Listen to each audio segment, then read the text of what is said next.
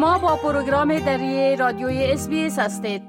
حال با جاوید روستاپور خبرنگار برنامه دری برای جنوب آسیا به تماس هستیم که اونا درباره تازه ترین رویدادها در افغانستان معلومات میتن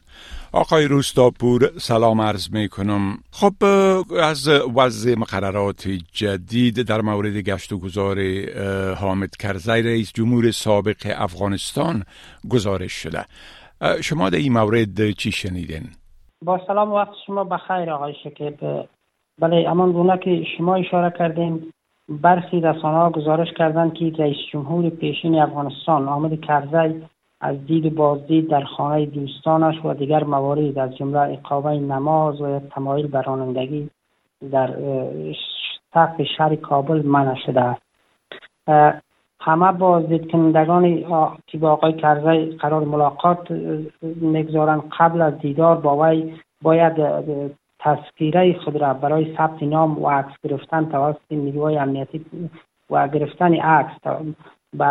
نیروهای امنیتی طالبان ارائه دهند. گفته می شود که این تدابیر بعد از آن اتخاذ شده که استخبارات طالبان که مسئولیت تامین امنیت آقای کرزی را به عهده دارد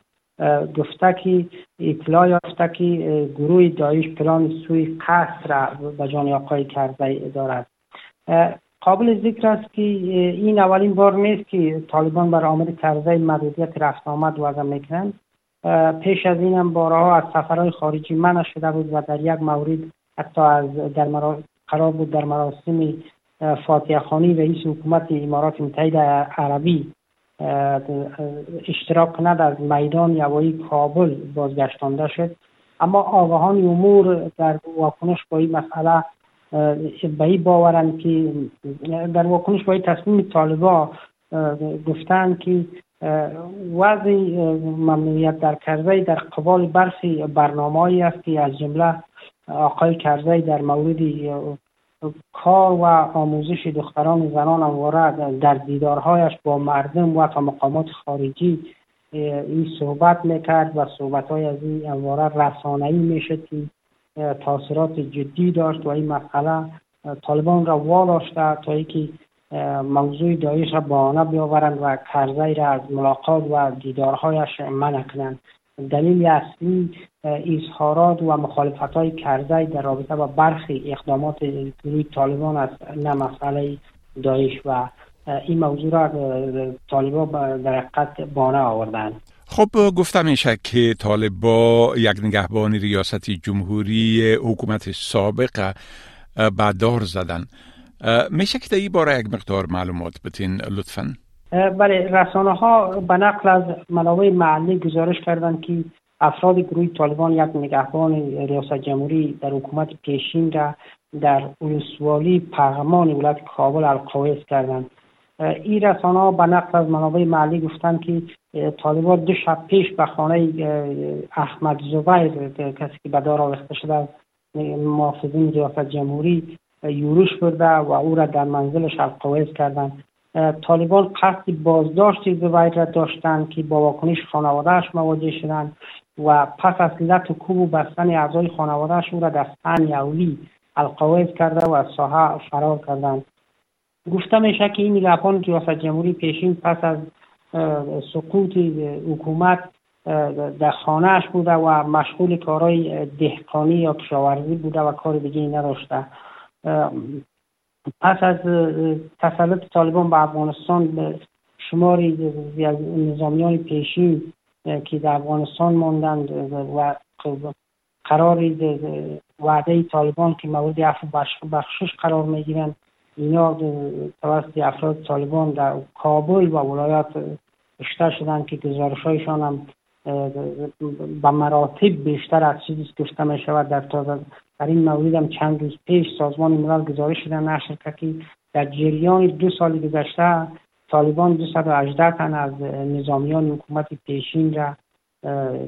کشتند. این این موضوع با واکنش ها و با نگرانی های بسیار جدی از سوی شماری از نظامیان که در افغانستان هستند مواجه شده. طالبان تا کنون در پیوند به به داراویختن این محافظ ریاست جمهوری چیزی نگفتن بله. خب گزارش شده که هند از تمدید ویزه محصلین افغان در او کشور خودداری می‌کنه که مشکلات بسیار زیاده برای محصلین افغان در او کشور به بار آورده. بله؟ بله این محصلین با ابراز نگرانی گفته که در سال روان ویزای تحصیلشان تمدید نشده و در وضعیت بسیار ناروشنی قرار دارند آنها گفتند که از چهار ماه به این در هند با هم گردهمایی دارند و در مقابل دفتر شورای فرهنگی این یا مرکز تهیه بورسی ها برای محصلین به اینا مراجعه کردند و به سفارت افغانستان مراجعه کردند ولی مراجعه کردن خواستان خواستار تمدید ویزایشان شدن اما نتیجه نداده این محصلین گفتن که با وجود خواستهای مکرر مانون سالهای پیشین به اینا گفتن که برای ویزاشون باید تمدید شده و به دلیل از اینکه روابط این تقریبا با طالبان قطع است کارشان نتیجه ندارد تعدادشان هم گفتن به 700 نفر می‌رسد که از جمله 200 تنشان دخترها هستند و هر روز برایشان هشدار داده می‌شد که اینا باید لیلیه را ترک کنند پیش از این هم شماری از محصلین افغان که برای سپری کردن دوره تعطیلیشان به افغانستان آمده بودند. از فراهم نشدن ویزای بازگشتشان به این شکایت داشتند و تعداد بسیاری بر بنیاد از گزارش ها از این محصلین در افغانستان ماندن و نتوانستند ویزا بگیرند و دوباره به این برگردند. بله. خب واکنش ها علیه ممنوعیت رفتن زنا به بند امیر هنوز هم ادامه داره. بله. برای واکنش ها در پیوند به ممنوعیت خانما به بند رفتن به بند امیر چی در سطح داخلی و چی در سطح بین المللی بسیار جدی بوده. از جمله سازمان ملل گزارشگر ویژه سازمان ملل هم در امور بشری افغانستان خواستار توضیحات طالبا در این مورد شده. و واکنش های داخلی هم برمیگردد به فعالان حقوق زن در افغانستان و این یک نوع زن ستیزی عنوان کردن و گفتن که این موضوع ایج با شریعت ربطی نداره و طالبان با گذشت هر روز زنان را در حقیقت زندانی می سازند و کدام شریعت و کدام اسلام است به گفته فعالان حقوق زن که طالبان زنان را از رفتن به تفریحگاه منع کند اما در واکنش با این مسئله دوباره حنفی وزیر امر معروف طالبان که به ولایت قوم سفر داشت گفته که زنانی که عمدتا واکنش نشان میدن از طرف غربی ها پروژه بگیر هستند اما به گفته او امارت اسلامی متعهد است و حقوق زنان که شریعت برای از اجازه داده. بله خب بسیار تشکر آقای روستاپور از این گزارشتان و فعلا شما را به خدا می سپارم و روز خوش برتان آرزو می کنم وقت شما هم خوش خدا حافظ و ناصرتان. بپسندید شریک سازید و نظر دهید. اسپیس دری را در فیسبوک تعقیب کنید.